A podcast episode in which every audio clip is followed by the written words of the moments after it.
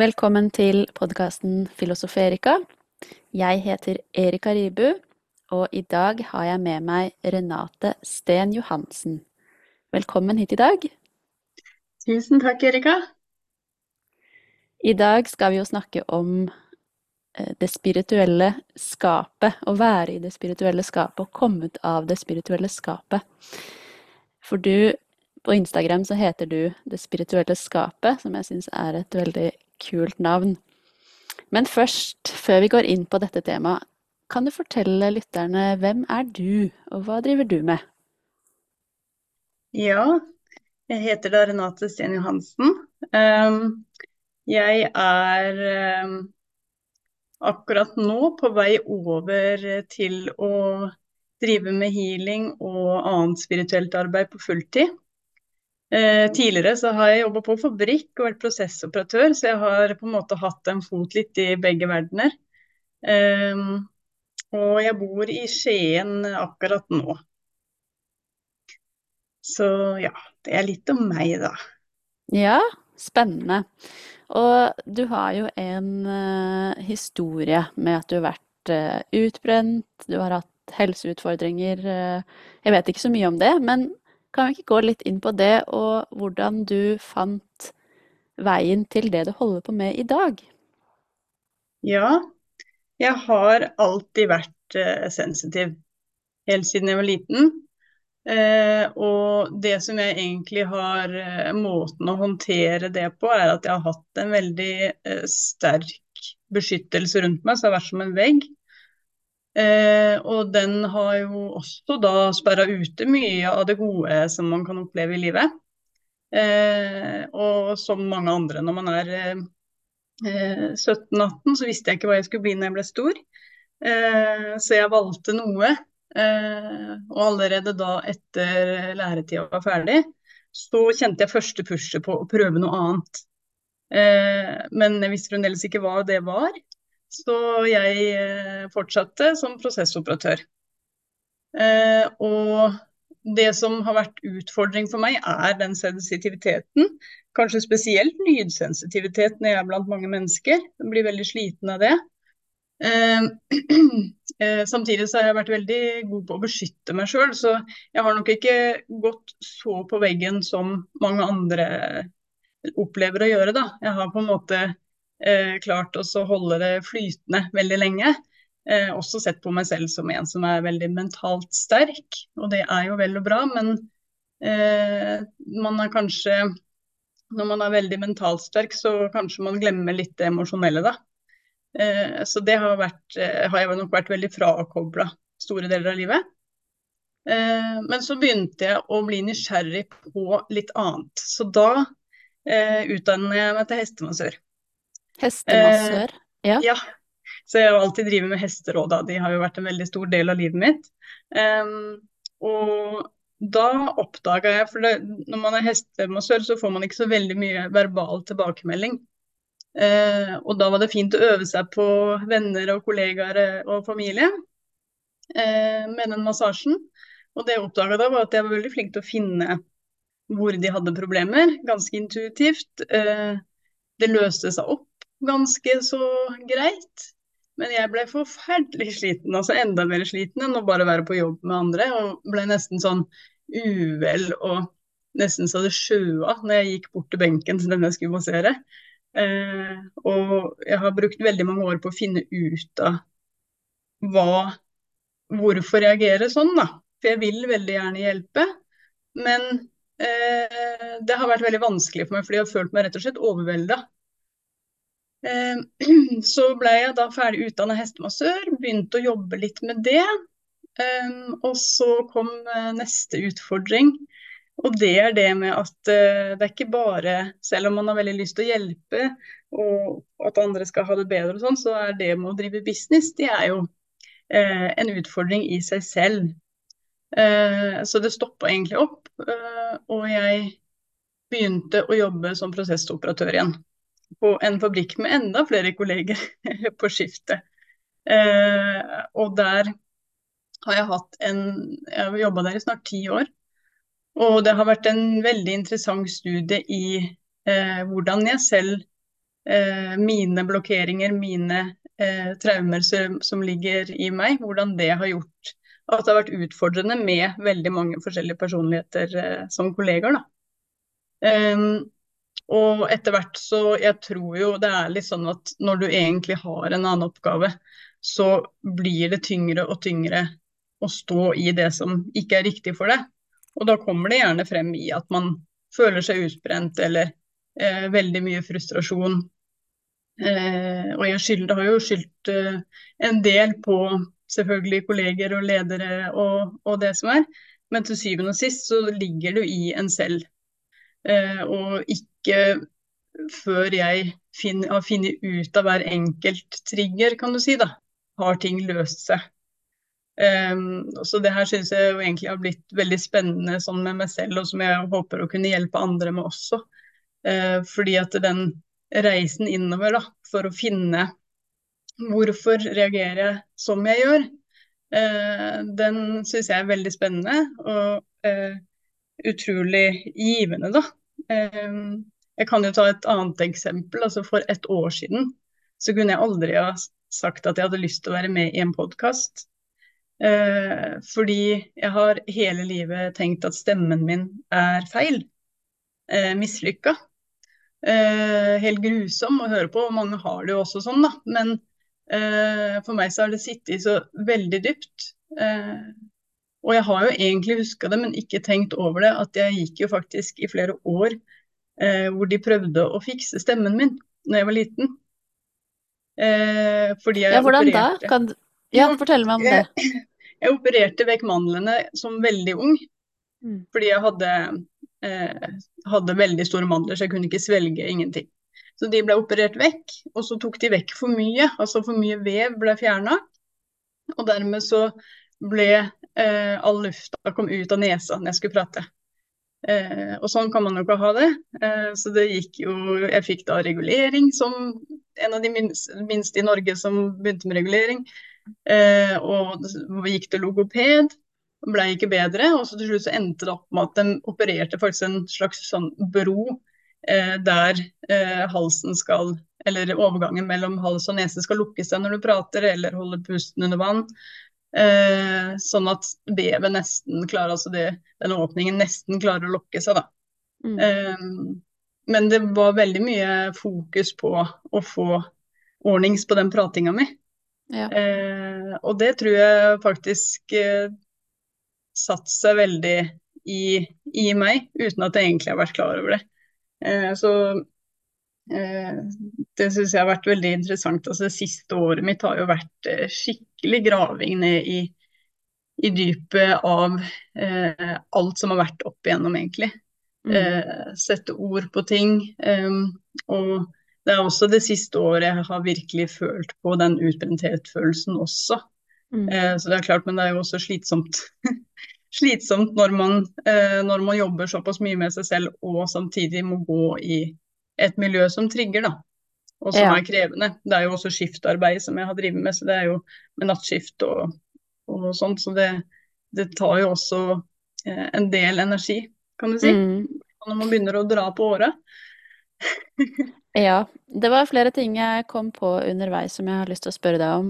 Det første ja. er hva gjør en prosessoperatør, for vi som ikke vet det? det er jo eh, Jeg syns det er litt morsomt nå når jeg skal prøve å forklare hva en healer gjør. Fordi det er like enkelt å forklare det med å være healer til en som ikke er spirituell, ja. som det er å forklare prosessoperatør til en som ikke er prosessoperatør. Ja. vi skal prøve. Um, hvis du ser for deg en, en, hvilken som helst fabrikk, egentlig. Jeg jobber på en fabrikk hvor det uh, hva skal man si, former om uh, gassmolekyler fra ett til et annet. Da. Eh, men det kan være en plankefabrikk eller whatever. Eh, der er det prosessoperatøren som styrer fabrikken, eh, som er på en måte på gulvet og er hands on. passer på at alt går som det skal. Hvis du har problemer, så fikser du opp i det. Og mm. klargjør og får inn mekanisk, eller de som skal skru og sånn. da. Så det er på en måte vi som er vaktmesterne. Så det er, en veldig variert eh, arbeidsform, egentlig. Eh, noen ganger så går vi bare pass på, andre ganger så er det fullt kjør hele skiftet. Så mm. Ja, så det er, det er også å styre, styre prosesser, enten det er kjemiske eller trebare eller metallurgiske fag, da. Ja. Så jeg jobba også i Nordsjøen. Jeg begynte i Nordsjøen da, på oljeplattform. Mm. Så det er også prosessoperatører da, som på en måte styrer oljeproduksjonen. da. Og det har du gjort uh, største deler av livet ditt, prosessoperatør, men så er det sånn at nå det siste året så har du Du jobber der fortsatt, eller er det, har du sluttet? Jeg, jeg jobber der fortsatt. Eh, har 50% permisjon for øyeblikket. Håper å få forlenga den. Eh, og det er jo også morsomt eh, hvordan ting legger seg til rette, da. For det har vært en del som har slutta og begynt i Nordsjøen nå i det siste. Mm. Og for i hvert fall et par, si et par år siden så tror jeg ikke jeg hadde fått 50% fordi vi jobber skift og det er liksom kinkig, da.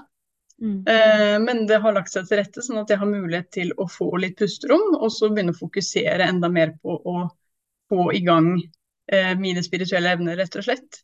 Mm. Um, ja. Så nå i dag, mm, ved siden av å jobbe 50% så driver du med healing, og du gir readinger, er det sånn?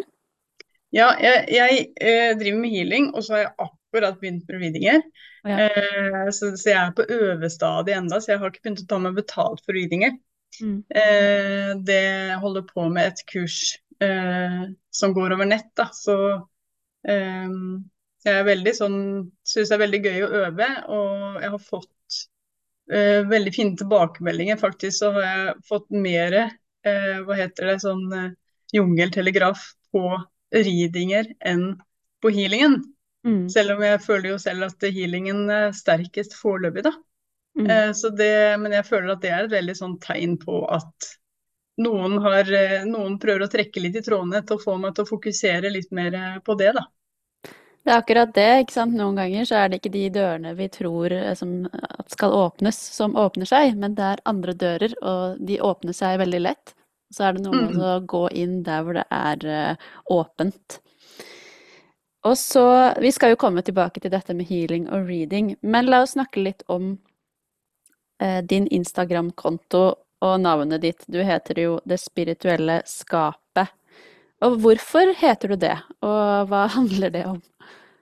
Jeg syns jo det er litt gøy med litt ordspill, så jeg er jo litt på det både å komme ut av skapet er jo en ting, og det er jo noe vi kjenner til ganske eh, Altså det uttrykket, da. Eh, men eh, også fordi at jeg har lyst til å få folk interessert og lure dem litt inn i det spirituelle skapet og se alt det spennende som fins inni der. Eh, så det var litt eh, på en måte todelt grunn til at jeg valgte Jeg starta kontoen eh, jeg tror det var i februar i fjor.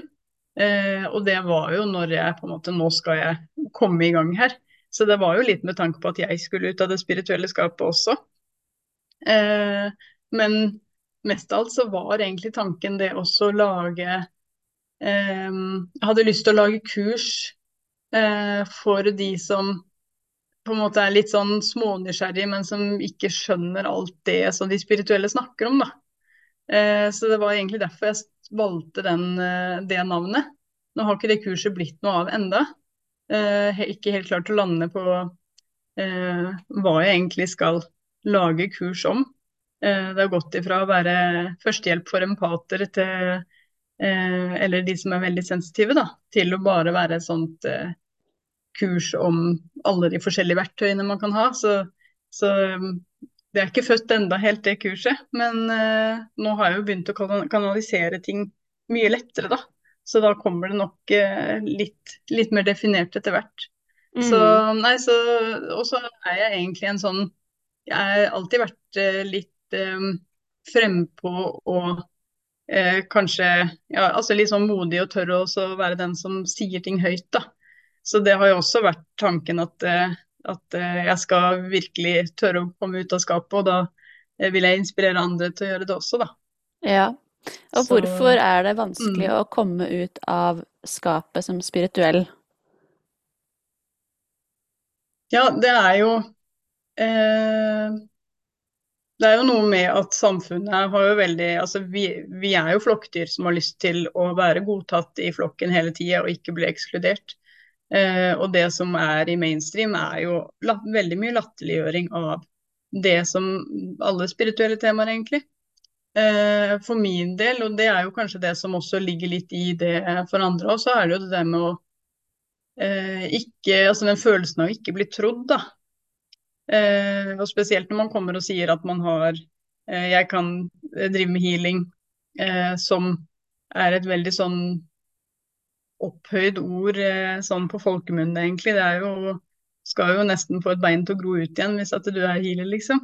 Um, det å si at jeg mener at jeg har disse evnene som tidligere kanskje har vært ansett som noe som bare spesielt utvalgte har tilgang til, da. Uh, det har for meg så har jeg sett for meg en sånn uh, at folk ville synes synd på deg. Men jeg er liksom sånn Å, stakkars deg, tror du det, du, da? ja.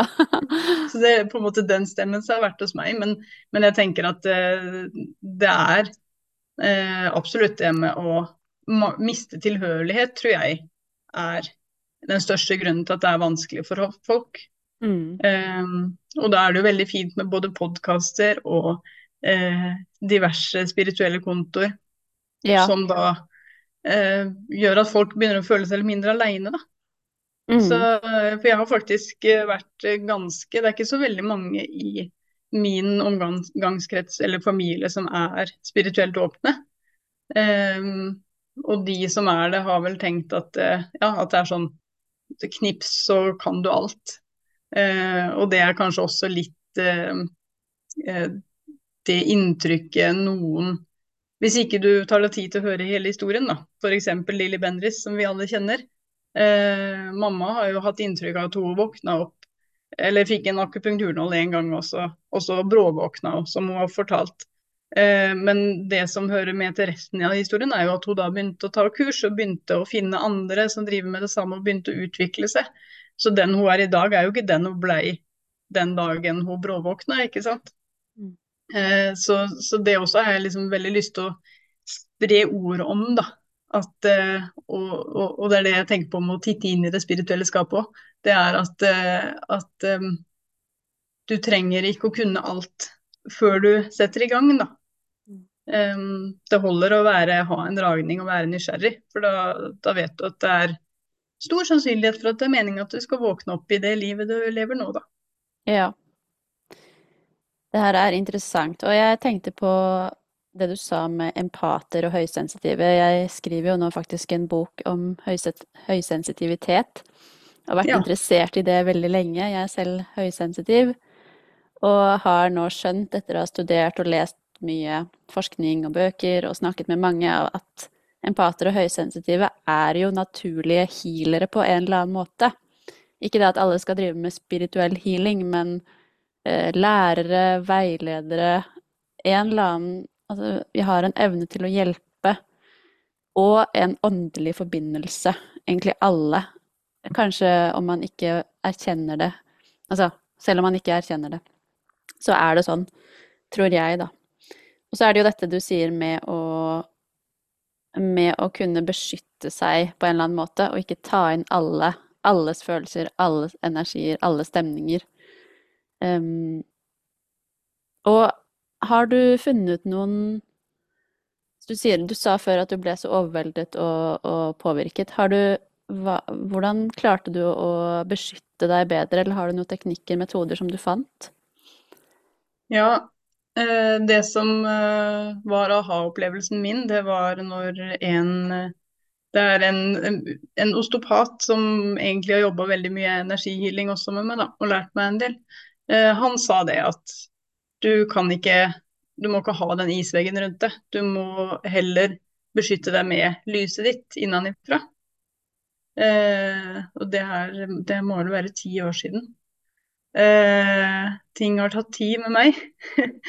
eh, men da Og jeg, jeg forsto ikke hvilket lys han snakka om engang. Uh, og da sa han at uh, se for deg den, altså det du kjenner hvis du sitter i vårsola, altså den, når sola stråler på ansiktet ditt. Finn det inni deg, liksom. Uh, så da begynte jeg å øve på det. og nå har jeg veldig god kontroll på det og kan stråle det veldig ut. Og jeg prøver å formidle det også til andre at den beste beskyttelsen er egentlig å skinne lyset ditt utover. for da holder du på en måte alt på avstand istedenfor at du trekker deg inn og slokker lyset ditt og prøver å gjemme det. Eh, for da får du ikke levd det livet du skal. Så det var jo det jeg innså, at jeg kommer jo ikke dit jeg har lyst til å være, eller dit det kjennes ut som jeg skal være, ved å gjemme meg og ved å stenge meg inne. Um, og så tror jeg også at når man Altså jo mer man jobber og man kommer liksom hever seg i frekvens, da, så tror jeg også etter hvert at en del av de tinga som trigga før, eller som, som uh, fikk tak på deg før, kanskje ikke helt rekker opp til der du er når du hever frekvens. Sånn at um, de mer lavfrekvente, de finner deg ikke lenger.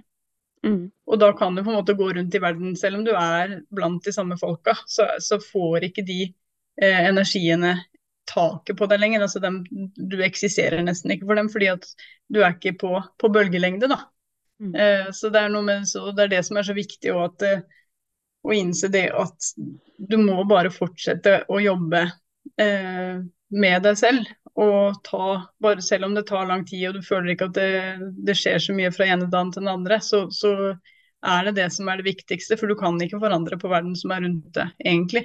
Du kan bare forandre på hvordan du møter den, da. Mm. Ja, det der kjenner jeg meg igjen i. At det er akkurat som å hva skal man si gå fra et nivå til et annet. Hvor det ja. som var i livet før, det, det kommer ikke inn lenger, og det faller fra. Det er veldig spennende å observere. Mm. Men da bare lurer jeg på Nå som du har tatt steget, du har kommet ut av det spirituelle skapet, du begynner å gjøre arbeidet ditt og det du føler at du har evner, eh, evner for. Hvordan har det vært med helsa og den utbrentheten? Har det blitt bedre? Føler du at du har mer energi? Absolutt. Eh, jeg føler, altså jeg føler meg jo bare lettere. Altså den vinteren her eh, Jeg merka nesten ikke at november gikk. Altså det pleier å være så tungt og grusomt, og den virker jo så lang. Men nå så har den på en måte gått så fort, og jeg har vel også satt litt mer pris på eh, å kunne trekke meg litt tilbake, og satt litt mer pris på at det har vært mørkt og stille og rolig ute. Eh, så jeg tror det også er noe som skjer, at man eh, når man klarer å heve seg litt, så er det også mye deiligere å trekke seg litt ned og trekke seg litt sånn uh, inn i sin egen lille hule også, fordi at du er ikke på i konstant uh, kampmodus, da.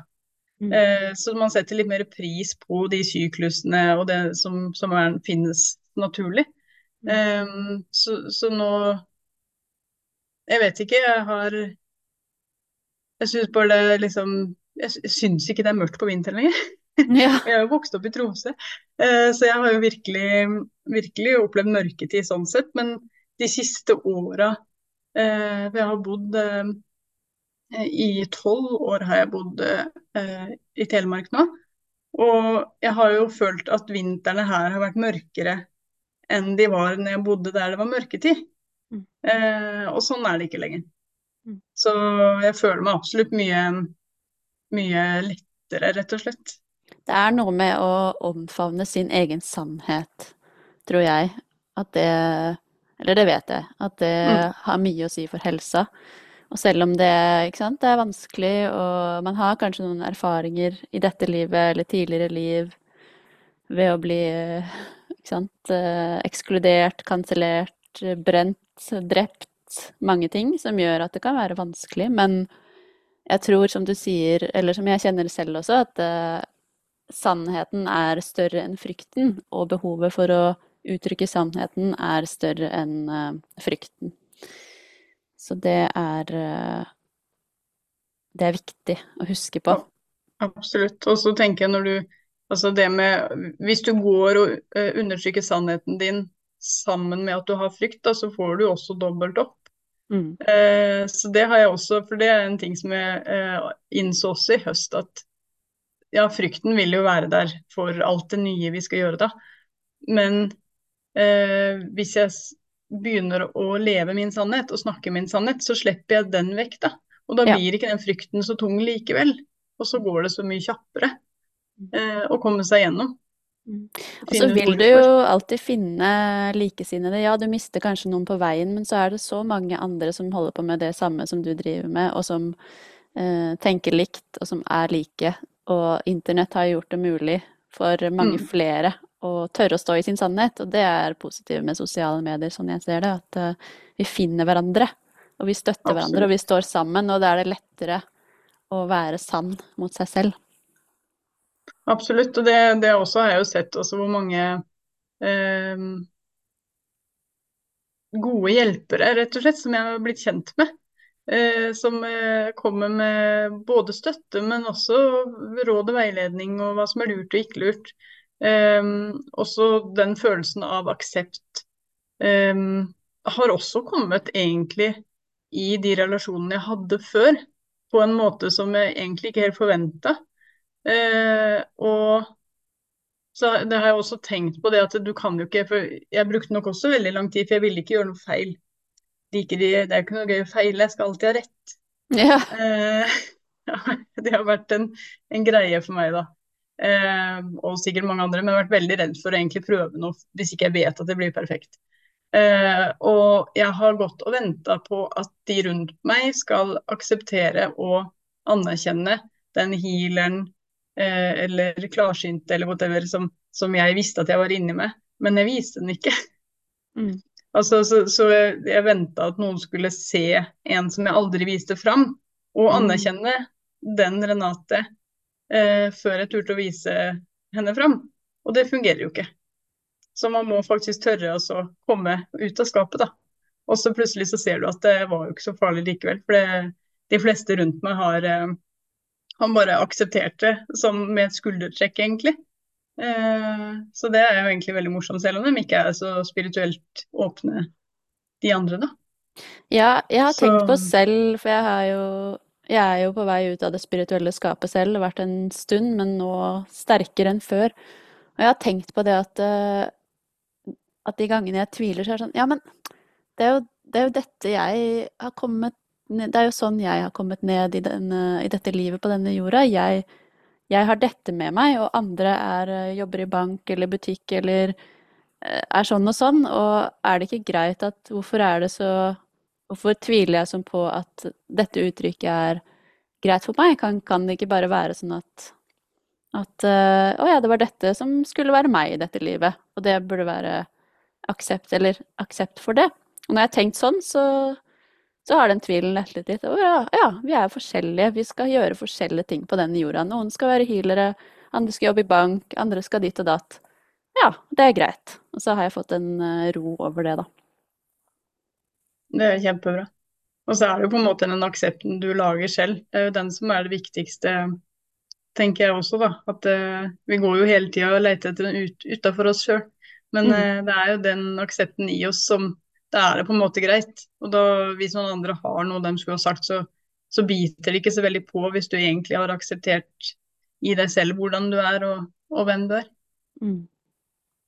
Dette kunne vi snakket så mye mer om, men la oss gå videre til det du holder på med i dag, og healing og reading. Og jeg kaller det jo Jeg driver jo Jeg studerer jo reading selv, og Ja. har, eh, går på Agape-instituttet med Marit Reitan. Og jeg kaller det for lesing, da, fordi hun kaller det for lesing fordi hun liker å være sånn jordnær og, og, og norsk, og det liker jeg også. Så jeg kaller det for lesing. Men det er ikke så farlig. Men um, vi snakket jo sammen før vi skulle spille inn denne podkasten om at det hadde vært gøy om du gjorde en lesing på meg, sånn at uh, lytterne får se hva er det dette egentlig handler om, og hvordan er det det foregår. Så har du lyst til det? Ja, altså jeg er jo veldig på at uh, guidene mine uh, får andre til å gi meg litt push. Uh, og jeg er jo som sagt, altså jeg holder på kurs, men jeg er ikke ferdig utdanna hvis man noen gang blir det. Men jeg tenker at eh, det er bare Det er jo ikke farlig. Jeg tenker eh, det også er en fin måte å vise lytterne um, at det faktisk er greit å bare hive seg uti det og prøve. Mm. Uh, så jeg har lyst til å prøve. Ja, kult. Uh, mm, Da har jeg forberedt eh, et par spørsmål som vi snakket om. ja. Og det første temaet er Ja, dette blir faktisk litt sånn Det er litt uh, skummelt å si det på direkten, men jeg skal gjøre det. Det første temaet er kjærlighet. Fordi jeg er da begynner å bli klar for å finne en kjæreste, partner, uh, far til mine barn. Og familie. Og kjenner nå at det begynner å, å komme i energifeltet mitt, at det er på vei. Så da er spørsmålet mitt har jeg noen blokkeringer og motstand, som jeg tror jeg har, men har jeg det? Og hvordan kan jeg forløse det? Det er det første. Ja, du sier altså Du lurer altså på om du har noen motstand ja. eh, mot å finne din Mot å gå inn partner. i et forhold. Ja, mot å være klar for å være i et forhold. Ja. Og så Ja, jeg har et spørsmål til også. Det er ganske, det er ganske likt, men det handler om business. Fordi jeg driver nå og starter opp eget firma. Og lurer på det samme, egentlig. Har jeg motstand og blokkeringer mot å drive, drive, for meg selv? Og hva er det, og hvordan forløse det? Er det noe det går an å lese på? Det er klart at det går an å spørre. Ja. Um, skal vi se. Jeg skal bare skrive litt eh, ned, så jeg har det litt sånn Mm. Eh, for det som jeg gjør, er jo eh, koble meg på. Og så kommer jeg til å, å spørre eh, ditt spørsmål. Og så mm. begynner jeg bare egentlig å si det som kommer opp, mm. eh, for å få i gang flyten. Sånn har jeg gjort det, da. Så istedenfor ja. Å sitte og prøve å finne det konkret, eller konkret får man det kanskje aldri på en lesing eller reading, men Uh, Istedenfor å finne, prøve å finne løsningen før jeg sier noe, da, så begynner jeg bare å si det jeg ser. Og det kan være litt sånn, føles litt random med en gang. Mm. Uh, det er veldig fint hvis du har lyst til å notere mens jeg snakker, for det er ikke alltid jeg husker alt. Uh, sånn at du kan ha noe å henge Eller om du kan se at du har noe Om du resonnerer med noe av det etterpå. Ja. Og så, ja, så tar vi det bare som det kommer. Og så ikke vær redd for å spørre underveis. Um, fordi jeg får faktisk Jo mer kontante spørsmål jeg får, jo mer kommer det plutselig bare Så vet jeg svaret. Jeg er nok litt mer klarvitende enn klarsynt. Ja. Uh, så jeg ser ikke så mye bilder og sånt alltid. Jeg får bare, plutselig bare vet. Ok. Um, okay. Så kult. Da gjør vi det. Og så etterpå så kan vi snakke mer om Så kan vi så kan du forklare mer eh, om hvordan, hva du har gjort. Ja. Ja, spennende. Da bruker jeg bare noen sekunder på å koble meg på.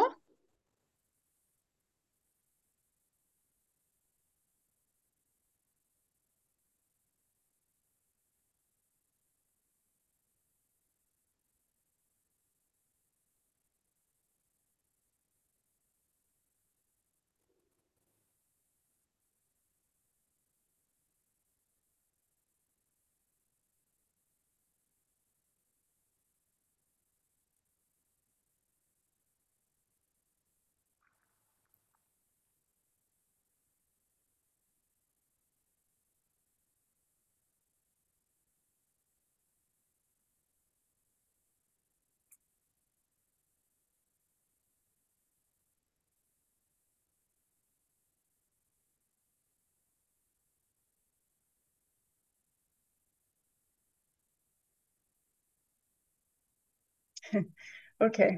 Det første jeg får en sånn følelse av, eller sånn nesten et bilde av, det er at uh, de er uh, enige. altså Akkurat som guidene dine står der og um, har en sånn uh, Yes, de gleder seg. Koselig. Altså sånn Det er klart for litt mer familie. Mm.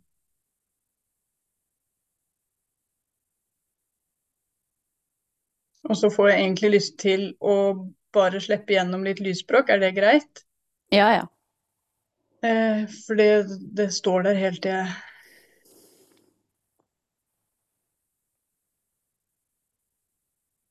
Yabahilare eiler, jeg sa etekilere eiler, eiler, saka eila eiler, eila eira sakete eiler, eiler, eila ele eiler, e e Humarekete eiler, eiler, eiler, eiler, eresa Humarekete elära isaitake eläeresa kate elära se kate elära rase ei. Humeikate eläke ere elära sekete eilä auma kara aia. Heillä kata aila seke ilära itake eläteke eläkära ummai hei heia. Harai kara ara ara ia. Haila ja. kete sakete sa kete eia haia homma. Harai saka aila kete eilä ja haia. Hummei ke. Alara se teke eya.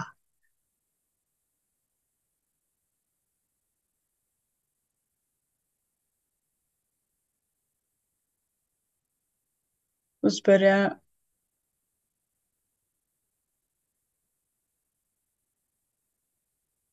Det var en Altså De lydene var en liten sånn uh, Skulle røske litt opp i ditt syn på hva et forhold skal være, hvordan det skal se ut. Um, det er ikke sikkert at, um, at det blir helt sånn som du har sett for deg. Um,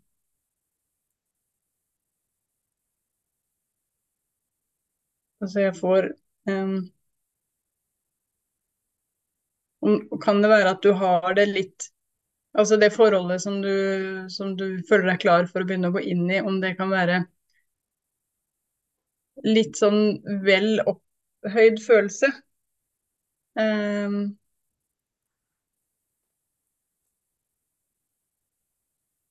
når jeg går inn i eh, Når jeg spør om blokkering, så får jeg på en måte den følelsen at du må Du må senke krava litt. Eh, og ta et første steg heller Altså være tålmodig, da. Um,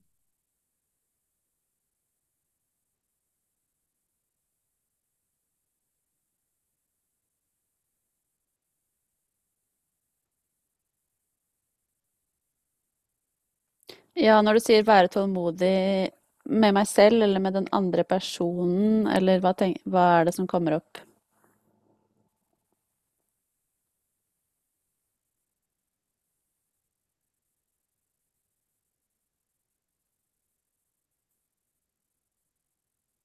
Det er at den du um, Være tålmodig med tanke på hvor fort eh, forholdet skal bygge seg opp til eh, den familiesituasjonen, da. Mm.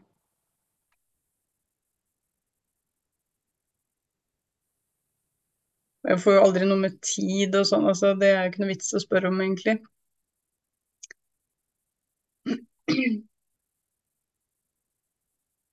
Ja, men at blokkeringene handler om utålmodighet og Det høy, er, høye krav. ja, ikke høye krav heller, men høye forventninger, hvis du kan forstå forskjellen på de. Ja. Vet, altså, så um, Og det er ikke det at ikke du kan få de, de forventningene og det bildet du har, men um, hvis du um, Si når du er ute og møter Altså hvis du møter noen, da. Mm. Uh, så ikke sammenligne dem med det ideelle bildet som du har Mm. med en gang. Får jeg Ja. Um,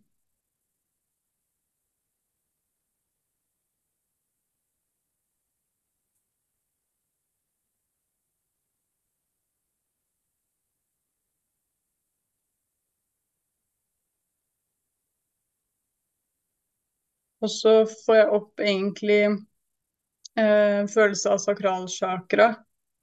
Eh, det med å kunne hengi det og bare nyte, slappe av. Altså en sånn hengi til Ikke prøve å styre eh, forholdet før det er begynt. Mm.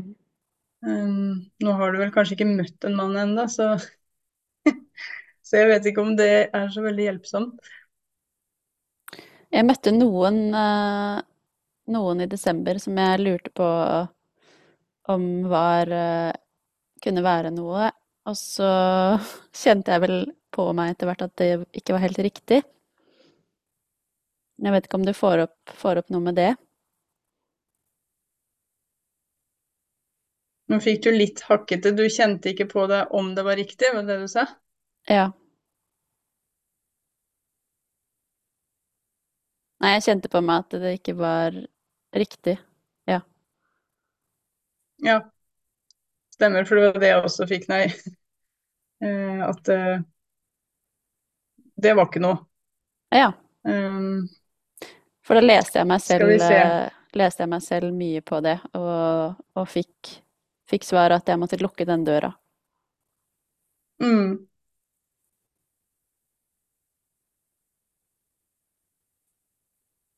Jeg har faktisk aldri gjort uh, kjærlighetsriding-type ting, så den, uh, den sitter tydeligvis uh, Kanskje jeg har en blokkering der sjøl. Ja, som Um. regel er det jo en match, det vi leser på. Ja.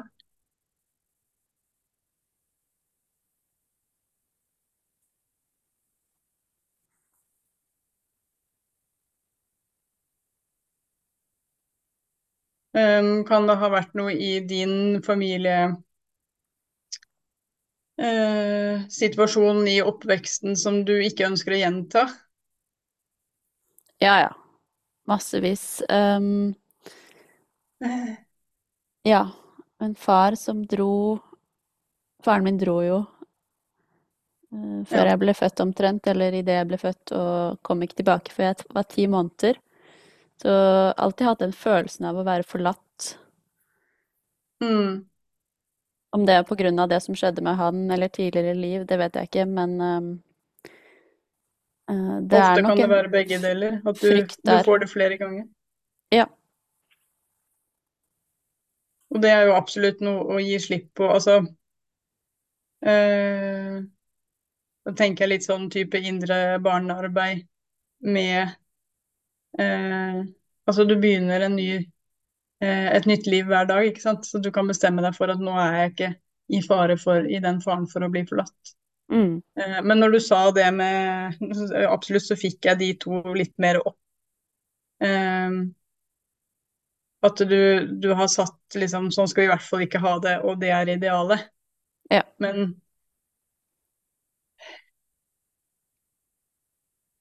Men det er Nå fikk jeg veldig Veldig press i solar plexus. mm,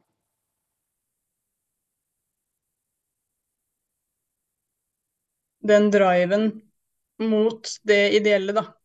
Den, den kan være såpass sterk at du kanskje kjører litt for eh, Litt for hardt på, hvis du skjønner hva jeg mener. Altså du eh, Det går litt for fort, sånn at du kanskje ikke ser mulighetene som er eh, rundt det. Mm. Jeg vet ikke om det kan være en sånn Se liksom for meg du, du møter noen, og så svosj, så, så, så prøver du også å putte dem inn i det bildet med en gang. Mm. Ja, det kan være noe i det. Så, um, så, så det, ja, det er på en måte um, Og hva du kan gjøre for eh, å løse opp i de blokkeringene. Det du sa selv, egentlig, det med den eh, eh, Det å bli forlatt. Um, kanskje du burde grave litt mer i den. Mm. Men så ser jeg også, er det også det veldig den der hengi Få være oppe, du må øve på å hengi deg Mm. for å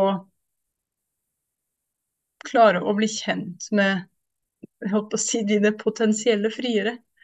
Eh, slipp målet om den perfekte familien inntil du på en måte er i gang, da. Ja. Mm.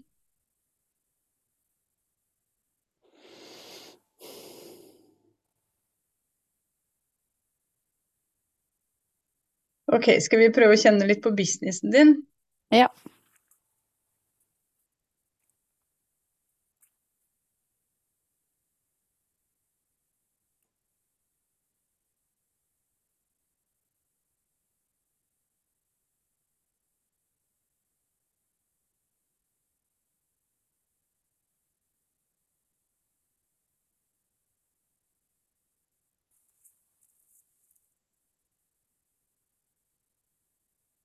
Og du skriver bøker, det vet jeg jo.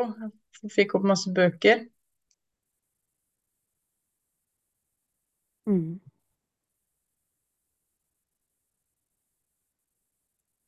Og så er det akkurat som du blar gjennom en bok, og så bare stopper du på en side. Eh,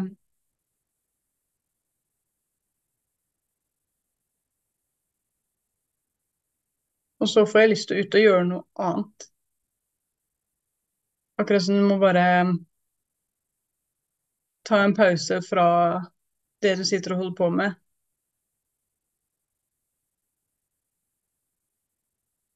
Og ut og Det er sånn skikkelig uh, villkvinnebilde får jeg. Mm.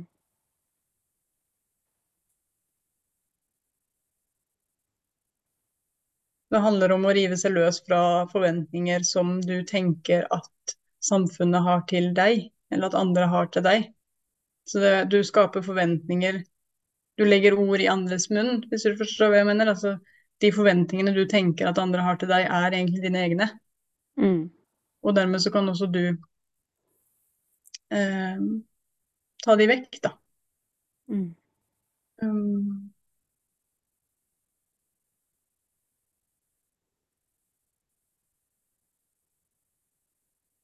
Så du har en motstand eh, som går på det at du tenker at ikke du klarer å leve opp til forventningen, men hvis du setter opp um, det du egentlig vil oppnå, så er det de eneste forventningene du trenger å ha.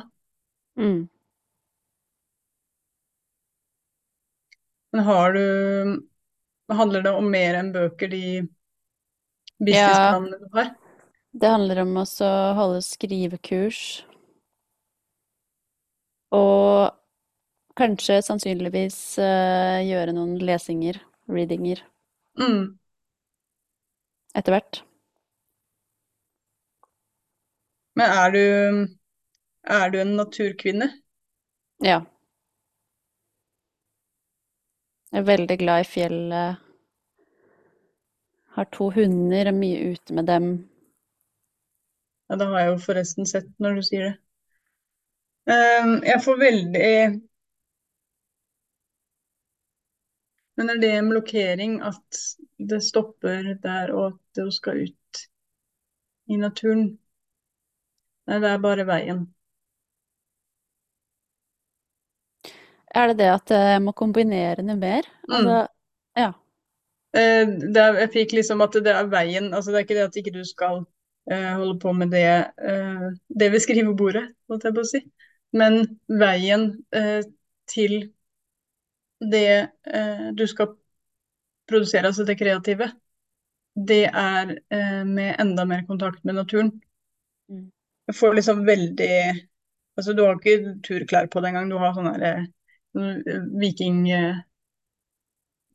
Sånn vikingtøy, eller ikke det heller. Sånn Sånn som du ser i sånne futuristiske filmer-type tøy. Sånne, sånne filer du har lagt, tatt på deg fra forskjellige um, Kanskje du skal ut og la deg inspirere uh, av det som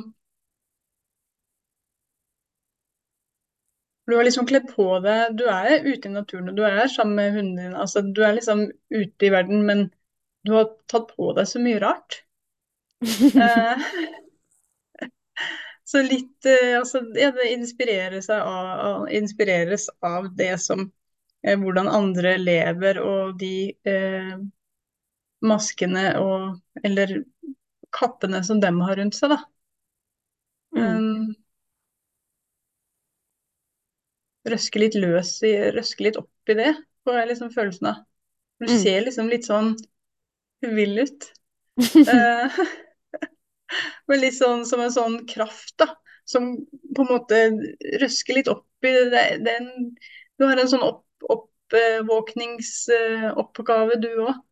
Um, det er akkurat som du røsker med deg noe fra hver person du har vekt litt opp, da. Så det var jo litt interessant. Eh, jeg vil jo ikke kalle det en motstand og blokkering. Det er mer som en hjelp på veien? Ja, eh, men jeg tror det som det som begynte som motstand, var vel det at du kanskje er litt fiksert på eh, enderesultatet, skjønner. Men veien går om å så ut og oppleve litt. Ja. Ja. Mm. Ja, det er interessant, for det har jeg fått opp selv mye i det siste. At det er, det er mer reising, og det er mer Ikke sant. Ikke være så stuck eller mobil Nei, hva heter det? Ja, statisk. Ja, Ja, her. Ja. Men du sitter, sitter bare ved pulten din, ikke sant. Ja. Så Men ut og, ut og oppleve og reise og Ja, mm. det får jeg veldig. Ja, tusen hjertelig takk. Eller er det noe mer som Nei, bare, det kom bare en sånn liten, og da kanskje du Da kanskje kommer eh, Kanskje du møter noen eh, spennende mennesker òg som du får med deg videre i livet. Ja. Hvis du røsker opp og kommer deg litt ut mm. i verden. Så for da, jeg, jeg fikk bare sånn på slutten der at det, at det da eh, Da, da eh, Hva skal jeg si Da møter de to spørsmåla eh, hverandre, da. Ja, Altså det med business og kjærlighet. det var det jeg også følte, at det var en sånn slags sammenheng der. Mm. Ja. Så, og så i og med at Og det er sånn morsomt da med readings også, du sier at eh, eh,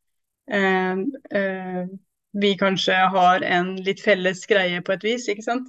Mm. Eh, og det med kjærlighet er veldig motstand for meg, eh, og det har vært en utfordring. Mm. Eh, veldig lett å bli healer da, kan jeg fortelle. Mm. For det er jo bare kjærlighet, så det har vært en prosess.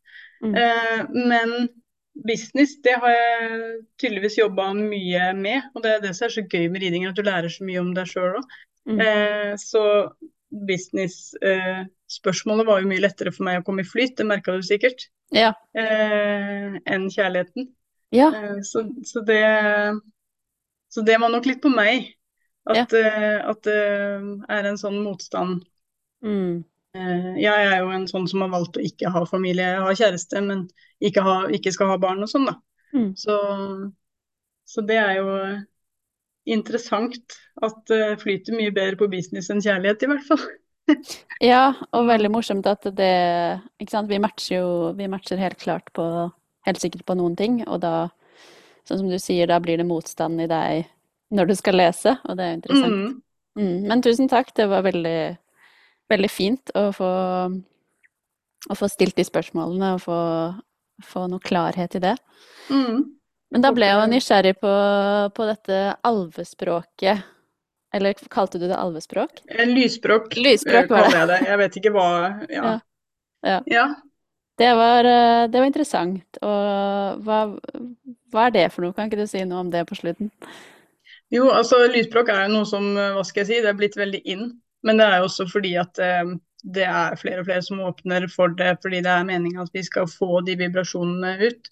Eh, det er veldig ofte eh, aktiveringer av forskjellige slag, så det er på en måte en lys, lyd, lys, lyd eh, healing, da. Mm. Eh, og de sier at det kommer fra forskjellige stjernefolk. Um, jeg har ikke noe sånn spesifikt hvem det kommer fra. Noen ganger så tror jeg kanskje det kommer innenfra. Så Mm. for meg, så jeg har brukt det også i healingen. Nå sist her før helga, så fikk jeg plutselig opp at jeg skulle bruke det til hvert chakra. Mm. Eh, og da kom det helt forskjellig språk, eller hva jeg skal si, da, til hvert chakra.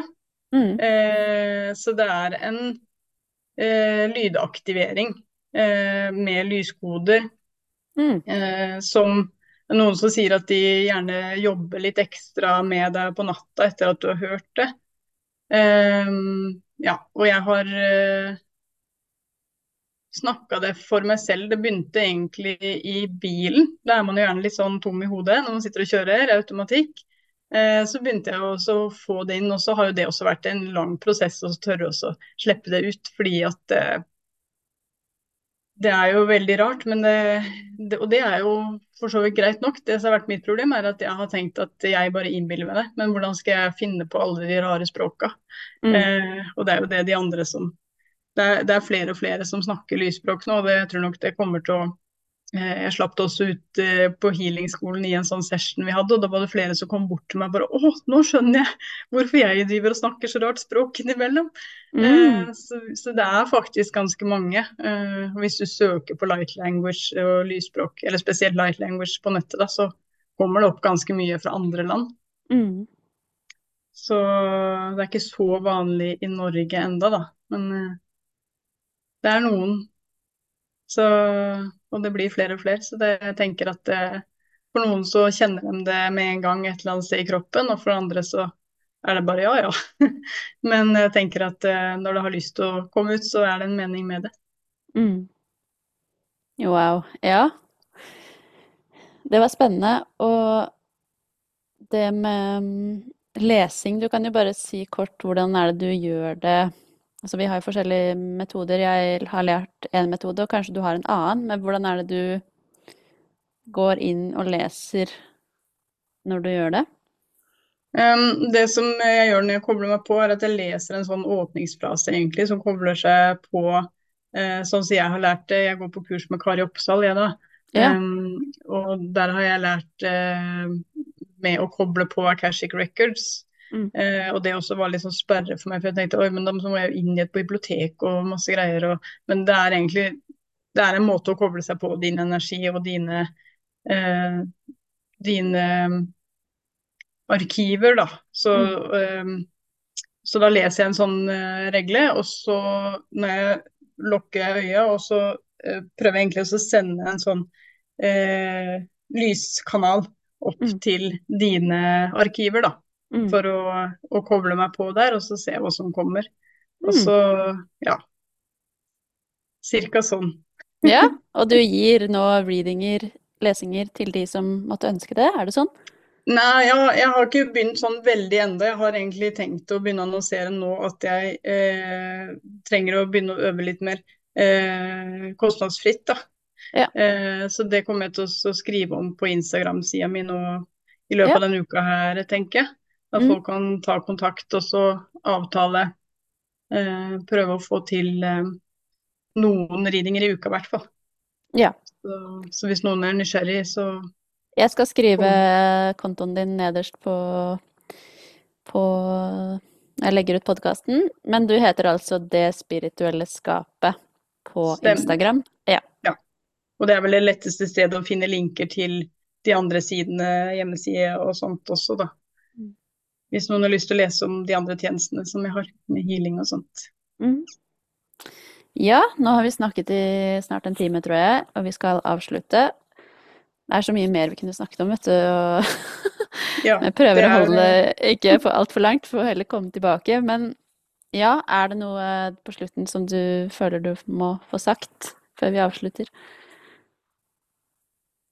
Eh, jeg har lyst til å si, eh, litt sånn kjepphest for meg, det er med jording, egentlig. Mm. Eh, for det er veldig mange som er nysgjerrig på det spirituelle, blir veldig fokusert på å åpne det tredje øyet og kronsjakra og få kontakt, ikke sant. Men vi er jo kjøtt og blod, altså fysiske kropper, og vi er ikke egentlig så veldig godt egnet til å håndtere all den lysinformasjonen som kommer. Og Derfor er det veldig viktig at vi er jorda og har kontakt med moder jord, både fysisk, men også at man setter intensjonen energetisk for å rett og slett kunne håndtere det som kommer inn, eh, og for å bli en bedre kanal. Det er mye lettere å ta inn når du har på en måte jorda det. Eh, og for noen så er med å åpne uten å være jorda, og da kan det gå litt i surr i hodet på enkelte. Det er jo de som ender opp i psykoser og det som er fordi den begynner å ta inn uten å egentlig klare å prosessere og håndtere det i systemet sitt. da. Mm. Så, så, for meg så er det altså step one når du skal begynne med noe spirituell utvikling, det er å lære deg jording og bli skikkelig god på det å få den kontakten. Ja. Mm. Ja, helt enig. Jeg starta jo noe som ikke lytterne hører, men jeg starter hver podkastepisode med hver gjest med at de jorder oss. for å gi slipp på det vi har hatt med oss inn, og så for å lande og komme ned og samle energien. Så da Og det er en øvelse jeg gjør selv veldig ofte, fordi jeg også har en tendens til å fly ut og opp i de øverste chakraene og miste jordinga. Så Men etter at jeg har begynt med den øvelsen hver dag, mange ganger om dagen, så er jeg mye mer i jorda. Og da er det som du sier, at det er lettere å Hva skal man si? Jobbe med det spirituelle, være i det, eh, ta imot. Fordi jeg Mm. også har beina på bakken, da. Så det er mange Absolutt. ulike metoder man kan lære. Den har jeg lært på Agape-instituttet. Du har sikkert lært en annen metode. Altså finne det som passer eh, for en selv. Ja. En veldig bra tips på slutten der. Jeg er helt enig. Bra. Yes, men da tror jeg vi skal avslutte. Tusen takk for at du ville stille opp på podkasten. Veldig hyggelig å ha deg her. Takk for lesinga. Takk for at jeg fikk eh, prøve, og takk for at jeg fikk komme. ja, og så ønsker jeg deg masse, masse lykke til videre på din spirituelle vei. Tusen takk.